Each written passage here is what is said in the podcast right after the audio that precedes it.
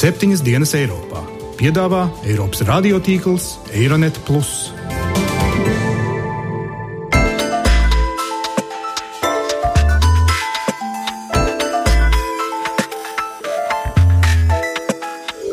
Šonadēļ septiņas dienas Eiropā dzirdēsim. This is a make or break uh, summit. I will not take a deal that doesn't meet what we need. It's pathetic.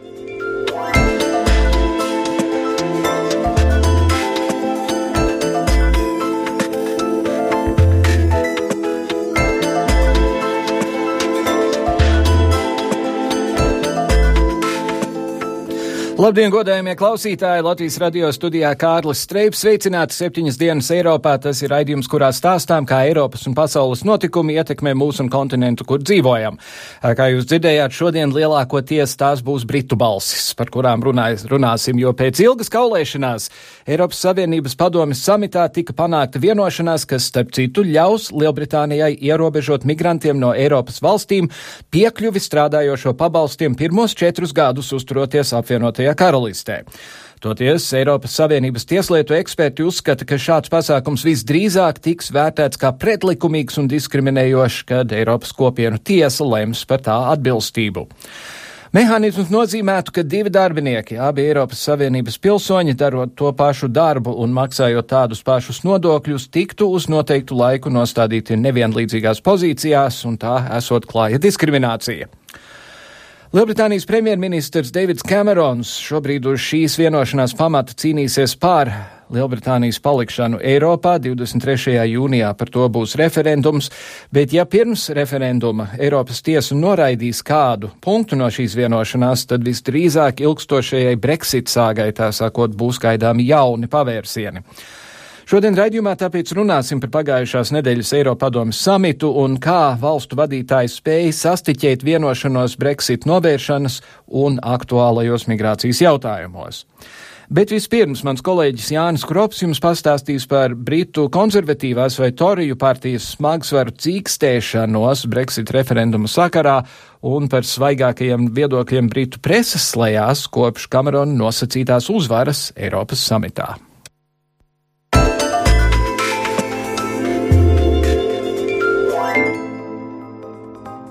Lielbritānijas premjerministrs ir atgriezies mājās ar uzvaru, vai tomēr iekūlies vēl lielākā ķezā, jo Londonas mērs, diezgan populārs politiķis Boris Džonsons, ir paziņojis par pievienošanos Brexit nometnei tiem cilvēkiem, kuri uzskata, ka Lielbritānijai tomēr labāk klāsies ārpus Eiropas Savienības. Vēl interesantāk šo cīņu padara tas fakts, ka Džonsons un premjerministrs Deivids Kamerons pārstāv vienu un to pašu partiju. Šodien Lielbritānijas premjerministram ir jāvēršas pie sava parlamenta deputātiem un jāizklāsta pozīcija par iespējamo referendumu, kas, starp citu, varētu notikt jau 23. jūnijā. Kamerons ir vairāk kārt citēts, ka Lielbritānijai tomēr ir jāpaliek Eiropas Savienībā. Premjers uzskaita vairākus iemeslus. If Britain were to leave the EU, that might give you a feeling of sovereignty, but you've got to ask yourself. Ja Lielbritānija būtu gatava pamest Eiropas Savienību, tas dotu sajūtu, ka mums ir lielāka suverenitāte. Taču jautājums ir, vai tā ir īsta, vai tajā ir vara, un te jāsaka, ka varas tajā nav. Ja uzņēmēji tiks diskriminēti Eiropā, mums nebūs iespējas viņus aizstāvēt. Ja mēs vēlēsimies, lai Eiropa dalās drošības informācijā par robežām un iespējamiem teroristiem, Eiropa to var nedarīt. Ja kāda no mums svarīgām industriālām nozarēm tiks vainota veselības kaitējuma izraisīšanā un tiks ieviesti ierobežojumi, mums nebūs iespējas diskutēt par šo ierobežojumu atcelšanu.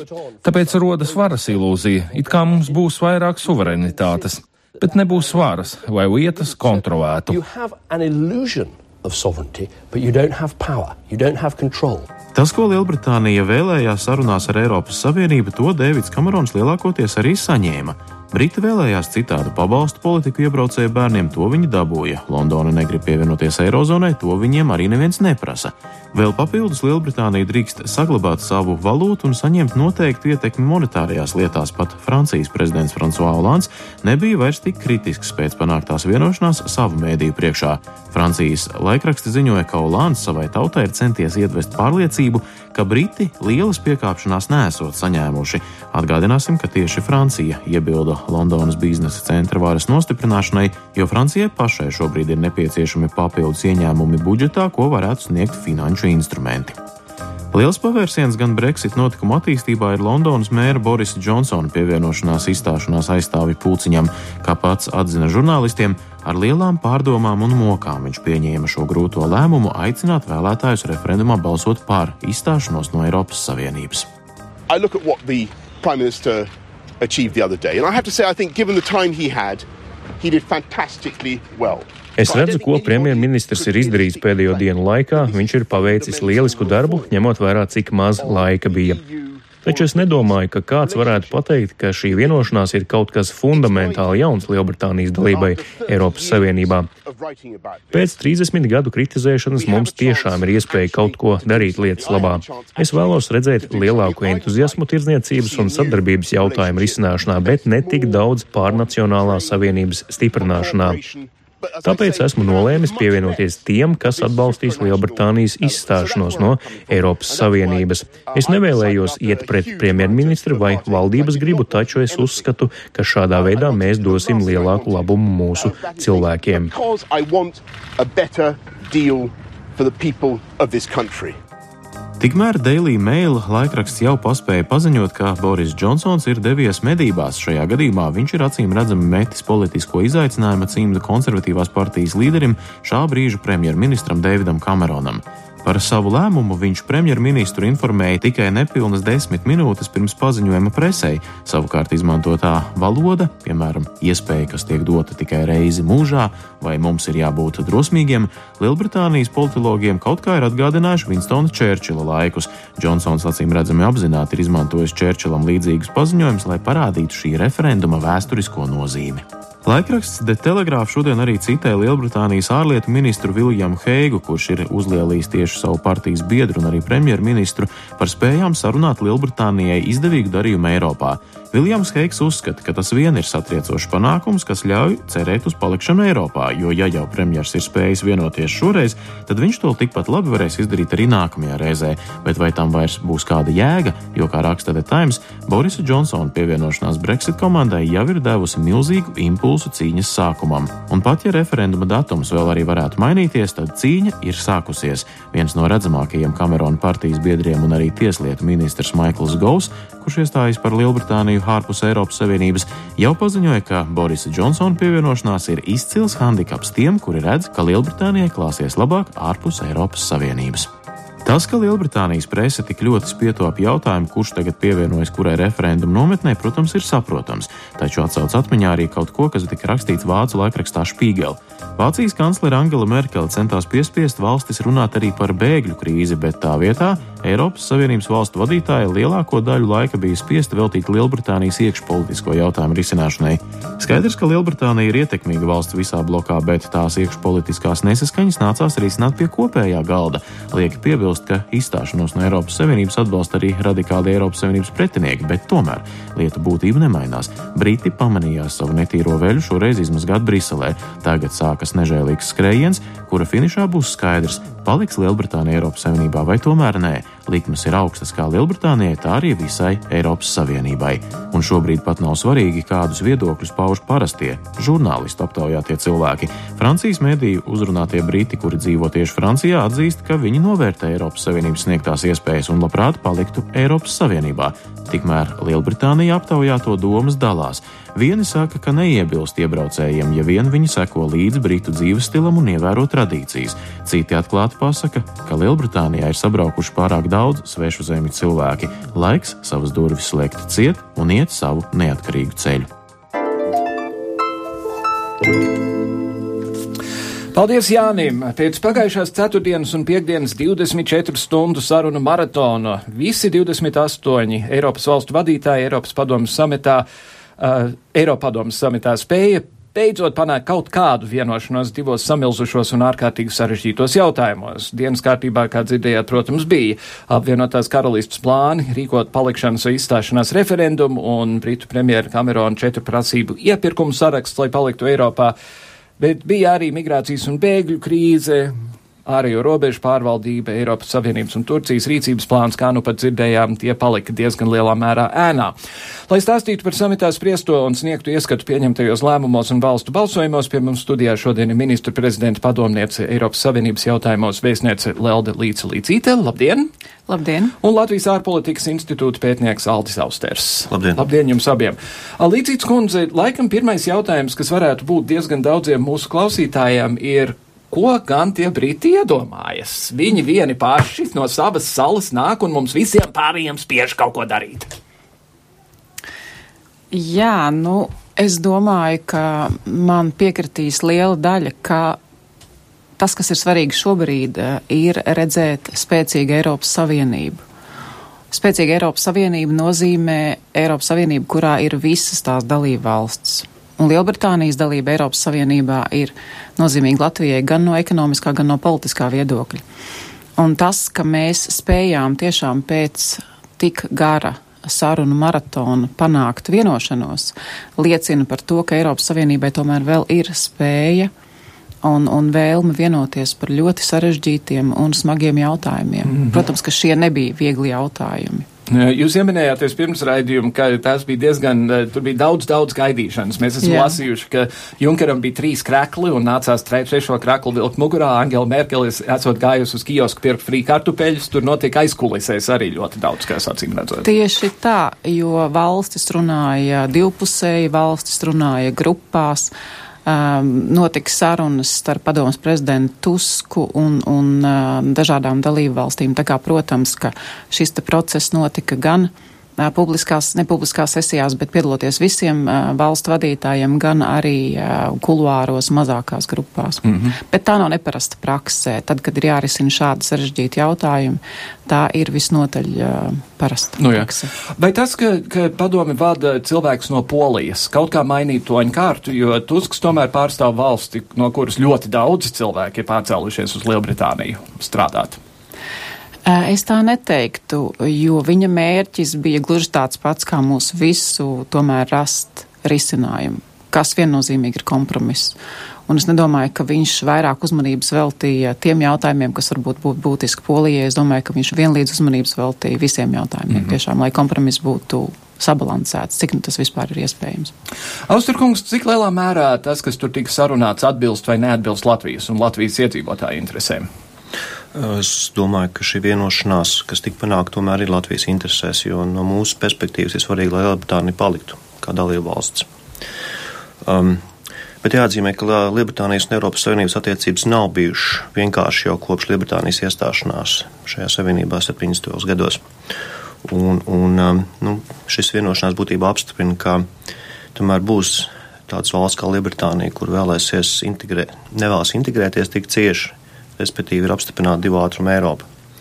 Bet joprojām, ja izdosies ar šo vienošanos Kameronam pārliecināt savus vēlētājus atbalstīt Lielbritānijas palikšanu jūnijā gaidāmajā referendumā, tad tas, protams, ir iegūms visai Eiropas Savienībai un ar Latviju. Mm -hmm. Vai, vai ir īpaši izdomāts, kas notiks, ja nobalsos par izstāšanos gan Lielbritānijā, gan Eiropā? Tas labs jautājums, tas būtu jājautā līdzīgs kundzei. Mm -hmm. no, no savas perspektīvas Es teiktu, ka Lielbritānija, pat ja viņi izstāsies, viņi saglabās ļoti tūs attiecības ar Eiropas Savienību. Viņi noteikti vēlēsies piedalīties vienotajā tirgū. Respektīvi, mēs runājam par tādu veidu attiecībām, kāda šobrīd izcep Šveica un Eiropas Savienība, kur saista daudzi, daudzi divpusēji līgumi. Mm -hmm. Vai Norvēģija un noteikti, Eiropas jā. Savienība. Jā.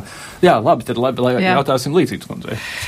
Nu, manā rīcībā katrā ziņā nav informācijas, ka būtu noticis darbs pie plāna B, jo, manuprāt, visi bija ārkārtīgi aizņemti jau vairāk mēnešu garumā meklējot risinājumu šim plānam A.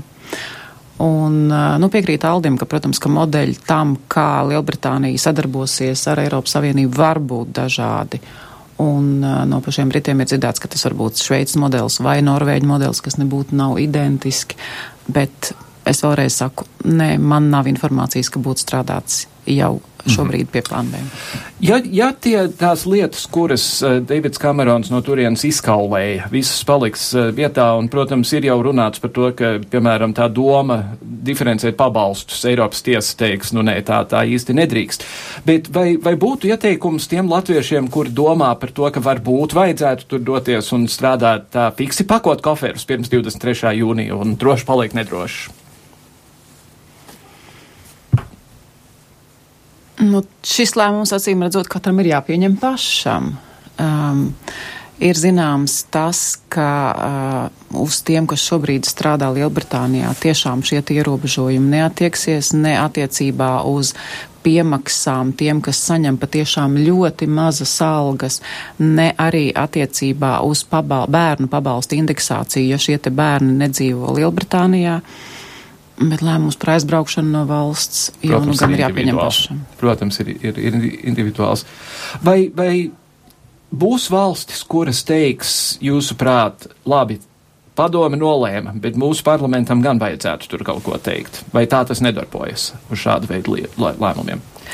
Eh, lai šie te eh, abi lēmumi par sociālajiem pabalstiem sātos spēkā, un, protams, ka visi šie lēmumi stāsies spēkā tikai un vienīgi tajā gadījumā Lielbritānija nobalsos par palikšanu Eiropas Savienībā, tad uh, Eiropas komisijai būs jāsagatavo grozījumi divos jau šobrīd spēkā esošos tiesību aktos. Un šie grozījumi, protams, ar kvalificēto balsu vairākumu būs jāpieņem dalību valstīm šajā procesā arī tiek iesaistīti nacionālajie parlamenti. Jā. Mm. Tāpat kā pieņemot jebkuru citu likumdošanu. Bet tas kvalificētais vairākums ir tajā pašā Eiropas Savienības padomē, respektīvi to dara ministru prezidenti. Jā, tieši tā. Jā. Un, protams, arī Eiropas parlamentam būs teikšana. Mm. Par to jau arī Kamerons ir saņēmis lielu daļu kritikas, ka uh, Eiropas parlaments varētu būt diezgan uh, nozīmīgs čērslis, lai šīs vienošanās varētu tikt īstenotas šajos aktos. Kā, nu, tas ir tāds uh, atvērts jautājums, uh, kā, kāda procedūra tiks piemērota, lai, lai iestrādātu šīs vienošanās uh, tiesību aktos. Mm -hmm. Par kādiem tiesību aktiem ir runa? Nav, nav lielie līgumi, nav. Nē, ir runa par pāris regulām, kas koordinē dažādus sociālos jautājumus, jo, kā zinām, šie jautājumi nav harmonizēti Eiropas Savienībā, mm -hmm. bet viņi tiek koordinēti. Un te ir jāatzīmē, ka patiesībā vienošanās jau neparedz automātiski, ka šie ierobežojumi tiks īstenoti. Būs vienkārši tiesības dalību valstī to darīt ārkārtas apstākļos.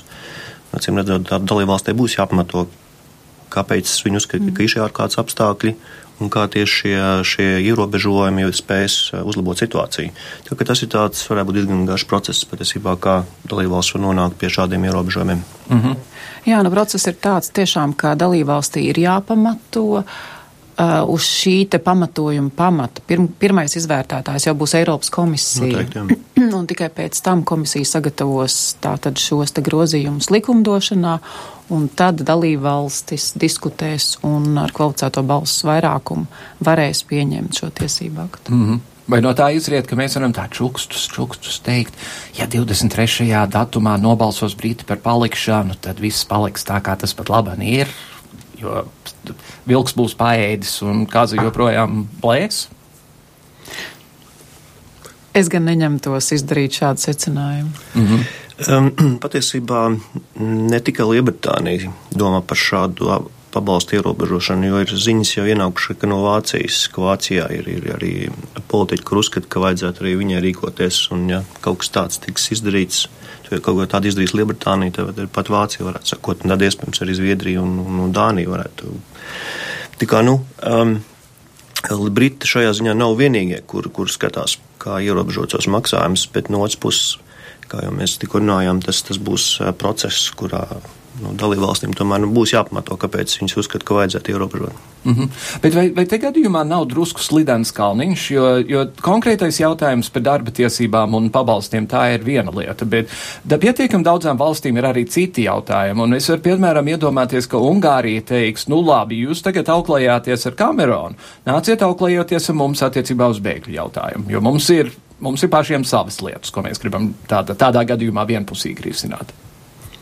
Nu, šī, šī ir viena lieta, ko arī mēs pieminējām gan Eiropadomē, gan arī pirms tam tiekoties ar Eiropas institūciju vadītājiem un arī tiekoties ar pašu Kameronu, ka mēs, protams, ka saprotam, ka ārkārtas situācijai ir nepieciešama ārkārtas risinājuma, bet šis katrā ziņā nevar palikt par ikdienas praksi. Mm -hmm. Tagad tā izpratne ir, bet izpratne ir arī citām valstīm.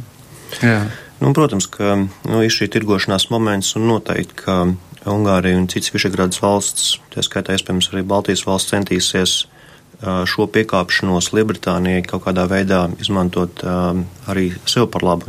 Mūsu iedzīvotāji tie, kas vairāk zaudēs no šāda, šādas Lielbritānijas politikas. Te varbūt jautājums ir par bēgļiem, par, par bēgļu kvotām. Tas iespējams tiks arī kaut kādā veidā pavērsts attiecībā uz, uz, uz, uz, uz finanšu atbalstu, ko mēs saņemam caur struktūrāliem fondiem. Es pieņemu, ka šādas lietas ir arī pārunātas divpusējās sarunās. Mm. Par tām šobrīd neviens noteikti skaidri nerunās kādu laiku, bet, bet tas pilnīgi iespējams. Jā. Tā tā vajadzētu būt. Es, es, nevajad, es nelūgšu diplomātei nākt ar šādu vērtējumu, es lūgšu jums nākt ar vērtējumu. Uh, ļoti daudz ir runāts par to, ka Lielbritānijā tie, kas ir pār Lielbritānijas izstāšanos no Eiropas Savienības, mēdz būt mazāk izglītoti un tā teikt, ar mazāku zobu skaitu un tā tālāk. Vai ir racionāli argumenti pamatā domai, ka, ka Lielbritānijai vajadzētu stāties ārā no Eiropas Savienības, jūsuprāt? Uh, no manas skatījuma īsti nē. Um, bet, protams, uh, Briti ir Briti, viņiem ir savu, savu, savu, savu mentalitāti un domāšana. Bet ko interesanti ir vērot šajās uh, sabiedriskajās aptaujās, ka viedokļi krasi atšķirās starp tiem, kuri vēlas, uh, ka Lielbritānija paliktu Eiropas Savienībā un tiem, kur uzskata, ka viņi izstājās. Starp šīm abām grupām viedokļi nesakrīt praktiski nevienā jautājumā.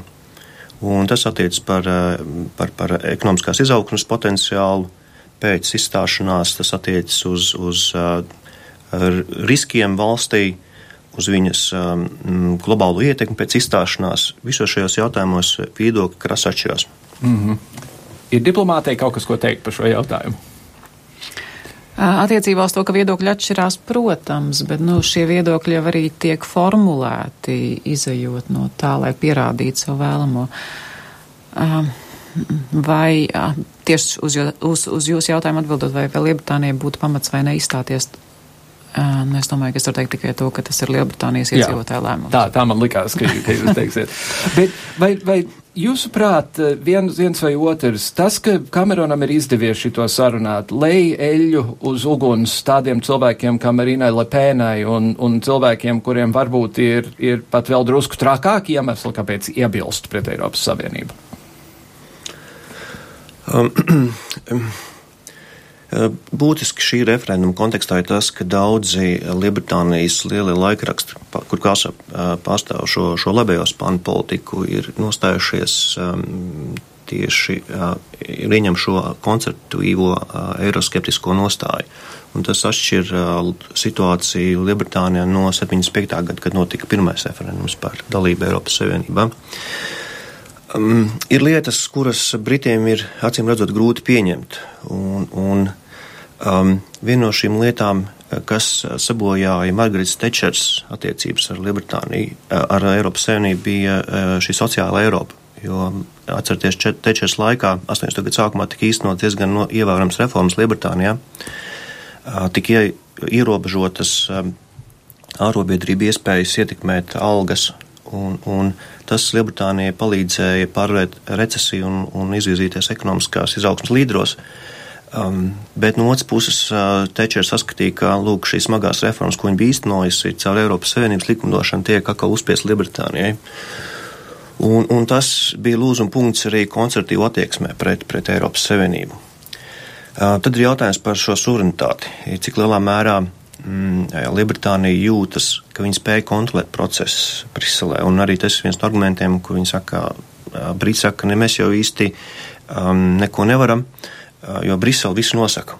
Saka mums priekšā. Un, un, un noteikti arī šajā gadījumā, kad ir par šo vienošanos runa, kur tika panākta pagājušajā nedēļas nogalē, nu, ja kaut kas neies, tad atkal teiks, jā, nu redziet, nu, tā jau Brisele izkārtos tā, un, un, un, un viss jau notiks pa, pa Briseles, atbilstoši Briseles prātam, un nevis, nevis mūsu prātam. Un, Un, un Britiem, kur ir šī salas mentalitāte, nu, viņiem ir, jā, ir, ir diezgan grūti šo, šo stāvokli pieņemt. Mm -hmm. Tas bija ļoti freidiski, ka jūs sākāt ar sabojāju attiecības ar Lielbritāniju, jo to viņi arī izdarīja savu. Arī zināt, tas reformas nebija viegls toreiz. Jā. jā, nebija gan. Kā mūsu premjerministram tur gāja? Es, es esmu lasījis, ka kaut kas paziņoja, ka viņš esot tur bijis pats mā, vismazāk ietekmīgākais premjerministrs, pie kā es padomāju, nu viņš 15 minūtes bija bijis premjerministrs, tā, kad tas sākās. Tieši tā, jo šo paziņoja pirms Eiropadoma vēl bija sākusies, vienkārši balstoties uz objektīvo realitāti, proti, ka viņš ir visjaunākais premjerministrs šajā Eiropadomē un arī e, pārstāv tomēr salīdzinoši mazu Eiropas Savienības dalību valsti. Mm -hmm. Es domāju, ka mūsu premjerministram gāja ļoti labi. E, viņam tā bija iespēja patiešām diezgan koncentrētā veidā uh, redzēt, kā tiek veidot kompromisi šādos tik ļoti sarežģītos jautājumos, arī ietekmēt, paust savu viedokli ļoti veiksmīgi. Jā, Mm -hmm. Mans vērtējums ir, ir absolūti pozitīvs. Un vai, vai jūsuprāt, vai viņam ir pietiekami labas angļu valodas zināšanas, lai viņš vismaz varēja klausīties to, kas tur tiek runāts, ja ne, ja ne aktīvi piedalīties diskusijās? Uh, diskusijas, protams, ka tiek tulkotas visās Eiropas Savienības oficiālajās valodās, bet jā, man pašai bija iespēja redzēt, ka pavisam neformāli viņš arī uh, komunicēja angļu valodā. Uh, arī saprata, tad, kad mums bija divpusējās tikšanās, kas tiek runāts angļu valodā, bet kādreiz jau, manuprāt, labāk tomēr ir izvēlēties, ja šīs zināšanas nav perfektas, labāk tomēr ir izmantot tulku, ne, nemēģināt vai, vai izlikties, kā mēs saprotam, un tad līdz galam neuztvert to, no, kas tiek teikts, un tad diskusijās līdz ar to iesaistīties mazāk pilnvērtīgi. Bet, bet zinot, ka, ka tas tulkošanas dienas tur ir diezgan profesionāls, kāda ir jūsu pieredze, kad jūs latviešu valodā klausāties, kāds ir kaut ko teicis, teiksim, slovēniski, un tas mm -hmm. ir gājis cauri angļu vai franču Jā. valodu un tālāk uz latviešu valodu? Jums ir iespējas, ka tas viss notiek pietiekami precīzi? Um, jā, nu, protams, ka šie tulki ir ļoti pieredzējuši. No vienas puses, no otras puses, sistēma ir sarežģīta. Uh, bet ir atkarīgs mazliet arī no tā, cik šīs diskusijas ir tehniskas un, un cik specifiska terminoloģija tiek lietot. Manuprāt, uh, valstu un valdību vadītāju līmenī tomēr uh, diskusijas ir politiskākas, un, un līdz ar to es teiktu, ka ir vieglāk izsakot mm. uh, diskusijas saturam, arī, uh, ja tas ir tulkots teksts. Jā. Kā jums liekas, valodas jautājums, cik tas ir būtisks vai nebūtisks? Um, tas atkarīgs no, no jautājumiem, kāda ir darba kārtībā. Um, protams, ka oficiālā sanāksmēs um, premjeri, uh, daudz premjeri izvēlas runāt uh, nacionālajā valodā un, un viss tiek tulkots. Uh, savādāk ir ar kuluāru sarunām. Un uh, nereti tieši nejauši, uh, nejaušam kontaktam starp līderiem arī var būt kāda nozīme kaut kur gaitiņos. Um, un ne tikai. Uh, un tad, protams, tur ir vajadzīgs šis valodas zināšanas, tad, uh, tad tam ir ietekme. Mm. Baraks Obama un Castro Mandels bērēs, piemēram. Piemēram, jā. Tas, tas bija labs piemērs. Um, kā, kā jūsuprāt, cik lielā mērā Mārku Činska valdība ir fokusēta uz Eiropu, ar to domājot uz, uz ārpolitiku, pre, iepratīm visiem milzīgiem iekšpolitiskiem jautājumiem, kas mums pat laban ir? Nu, pirmkārt, man ir jāsaka, ka Eiropa un Eiropas Savienības politika jau nav pārsvarā ārpolitika. Eiropas Savienības politika skar uh, visas mūsu dzīves jomas un arī visas jomas, ar kurām Mārku Činska valdībai nāksies nodarboties. Un mm -hmm. es domāju, ka to gan pats premjeras, gan, gan uh, viņa valdības ministri ļoti labi apzinās un saprot. Jā. Kā ārpolitikas institūts skatās uz Latviju un iedzienu ārpolitika? Cik labi tas notiek, jūsuprāt? Um, nu, patiesībā jau Latvija uh, ir tikko, tik, tikko iznākusi no, no prezidentūras, nu ir pagājis um, uh, pusgads un, un uh, ir notikuši vairākas izvērtēšanas, un šī prezidentūra jau patiesībā bija um, spējas rādītājs. Un, uh, Un, uh, mēs izstājāmies uh, ļoti labi patiesībā, un, un, un tādā ziņā um, mums ir bijusi vienmēr laba sadarbība ar ārlietu ministriju, un, un uh, arī šie uzskati par virzieniem arī ļoti lielā mērā mums sakrīt. Um, jo ir jūtams tas, ka gan, gan ārlietu ministrija, gan arī mūsu pašu institūts tomēr ir izvēlējušies austrumu partnerības valstis un centrālā Āzija kā tādu savu veidu nišu kurā specializēties un, un tiešām iegūt zināmu teikšanu Eiropas Savienībā. Pie Eiropas Savienības sarunu galda mēs saprotam šo, šo reģionu un mēs varam dot Eiropai pienesumu. Um, tā kā jā, sadarbība ļoti laba un ārlietu dienas kļūst vien profesionālāks un profesionālāks un tiešām šī prezidentūra tas bija labs pārbaudījums, pamatīgs pārbaudījums un veiksmīgs. Mm -hmm. Jā, tas, tas, tā, tādā gadījumā tas ir interesanti. Es zinu, ka pēc mums laikam Luksemburga bija, bija nākamā prezidējošā Jā. valsts. Es neatceros pēdējos sešos mēnešos lasījis kaut vienu kripatiņu informācijas par to, ka Luksemburga tagad ir prezidējošā valsts un lūk, ko viņa dara. Vai, vai no tā izriet, ka Luksemburgā neviens nezināja, ka Latvija ir prezidējošā valsts un ko viņa dara tajā brīdī? Um, es ceru, ka zināju. Um, es pieņemu, ka Luksemburgai uh, šī vienkārši jau ir tāda rutināta lieta, šī prezidentūra. Mm -hmm. Mēs noteikti viņai jau kā trešā vai ceturtā. Un, un, 13. Jā, 13. 13. Hmm. Tā kā jā. Jā, mums tagad nespēj laikam 14 gadus nākamā. Mums būs jānīcina vēl ilgi, lai tiktu līdz 13. Um, Diezgan drīz eh, premjerministram, runājot par Eiropas Savienību, būs tomēr jāatgriežas pie tādiem jautājumiem kā bēgļi un līgums ar Turciju un, un, un viss pārējais. Cik lielā mērā tas, ko viņš tur darīs, jūsuprāt, eh, būs atkarīgs no tā, kā uz šiem, šīm lietām skatās Latvijas iekšpolitika un konkrēti saimnes deputāti? Jo tad valdības deklarācijā par bēgļiem ir tāds diezgan i, i, i ierakstīts. Mēs var būt, ja? Um, vai jūsuprāt, Eh, te notiks daudz smagākas sarunas nekā ir bijušas līdz šim. Jā, nu tiešām šajā samitā migrācija bija darba kārtībā, bet uh, varbūt uh, šim jautājumam nebija veltīta lielākā daļa laika. Tāpat laikā uh, valstu vadītāji bija vienoti savā izpratnē, ka šobrīd ir jākoncentrējas nevis uz jaunu lēmumu pieņemšanu, bet uz esošo ieviešanu. Un tas attiecās arī uz jautājumu, kas mums ir bijis ļoti sāpīgs, proti bēgļu kvotām. Vairāk tika runāts par to, ka šī te bēgļu pārvietošana ir jāpātrina, ka patiešām ir jāīsteno tas, kas jau ir izlemts, nevis jārunā par jaunām kvotām vai par mm -hmm. kādiem jauniem mehānismiem. Tieši tāpat tas, kas arī mums ir ļoti svarīgi, bija diezgan vienota izpratne par to, ka ir uh, pirmkārt jāpanāk to, ka bēgļu plūsmas tiek apturētas. Un šajā kontekstā ir jāstiprina austrum, atvainojos, ir jāstiprina ārējās robežas. Un mēs savukārt vērsām uzmanību, bet mēs nebijām vienīgie, jo pirms mums uh, dažādas tikšanās ar, ar Eiropas institūciju vadītājiem bija arī bijušas Somijas premjeram par to, ka patiesībā arī austrumu robeža var kļūt par šādu te riska zonu, par mm -hmm. riska faktoru. Un tas tika uztverts ar lielu izpratni. Jā. Vai mums īpaši tur ir balss, ņemot vērā to, ka kopš šīs krīzes sākuma mēs esam braši uzņēmuši veselus desmit bēgļus?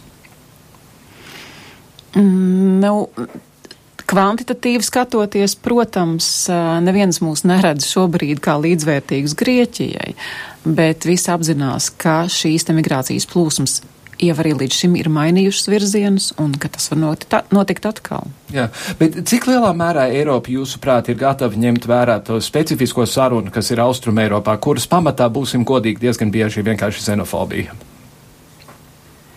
Mēs negribam, tāpēc, ka tie ir citādāki cilvēki.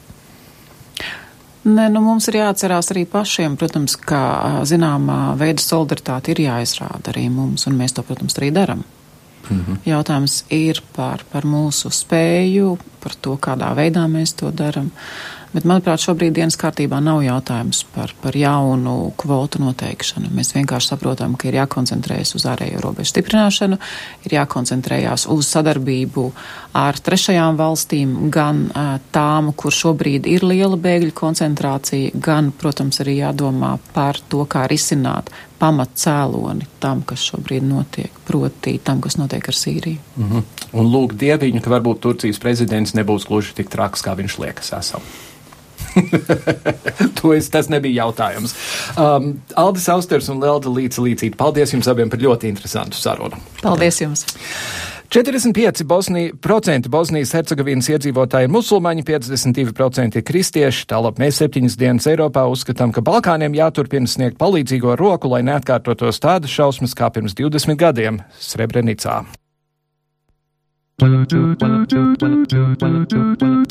Bosnija un Hercegovina pagājušās nedēļas sākumā oficiāli iesniedza pieteikumu uzņemšanai Eiropas Savienībā.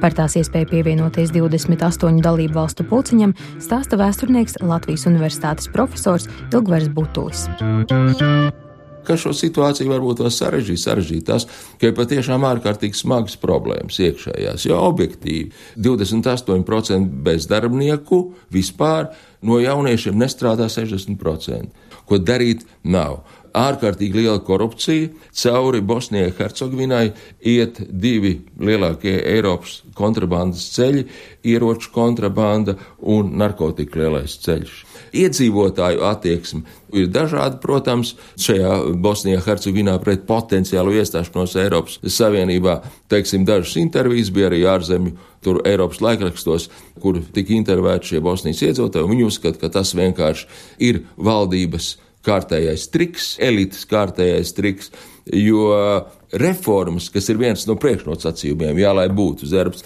jo reformas praktiski realizētas nekādas reformas netiek. Nekuru nevienā sfērā pēc būtības. Pēdējā laikā izvirzās sevišķi tas jautājums par šo tiesu sistēmu. Jā, viņiem tiesu sistēma arī ir tāda, nu, katrā ziņā, ja jau mēs ņemam, piemēram, šos musulmaņu ciemus, tur daudzās vietās sevi šie stingrie musulmaņu likumi, jā, viņi dzīvo pēc saviem likumiem, jā, servi pēc saviem. Tiesa, viņiem, nu, nu ir, viņi mēģina, jā, šos ir arī partija viena, kas uzstājās par tādu šo multikulturālo, bet faktiski vēl līdz šai dienai, kā vairums ārzemju komentētāji arī atzīst, pēc būtības tās etniskās un arī viss tā dzīve, nu, tiek organizēta, jā, par to, nu, bet par cik tur ir apvienoto nāciju organizācijas tā uzraudzība, un tam paldies Dievam, kad ir tāda, nu, kaut kā, teiksim, šis līdzsvars turās.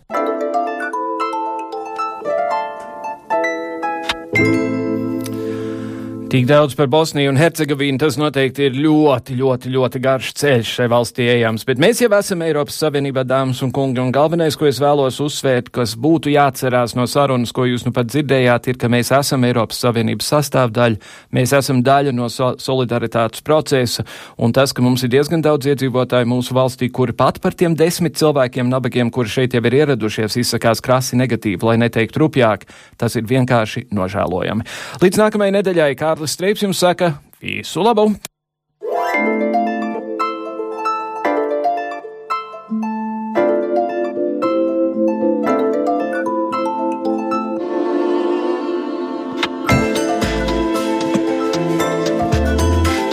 Raidījumu veido Kārlis Streips, Ieva Valēne un Jānis Krops. Raidījuma producents Lukas Rozīts.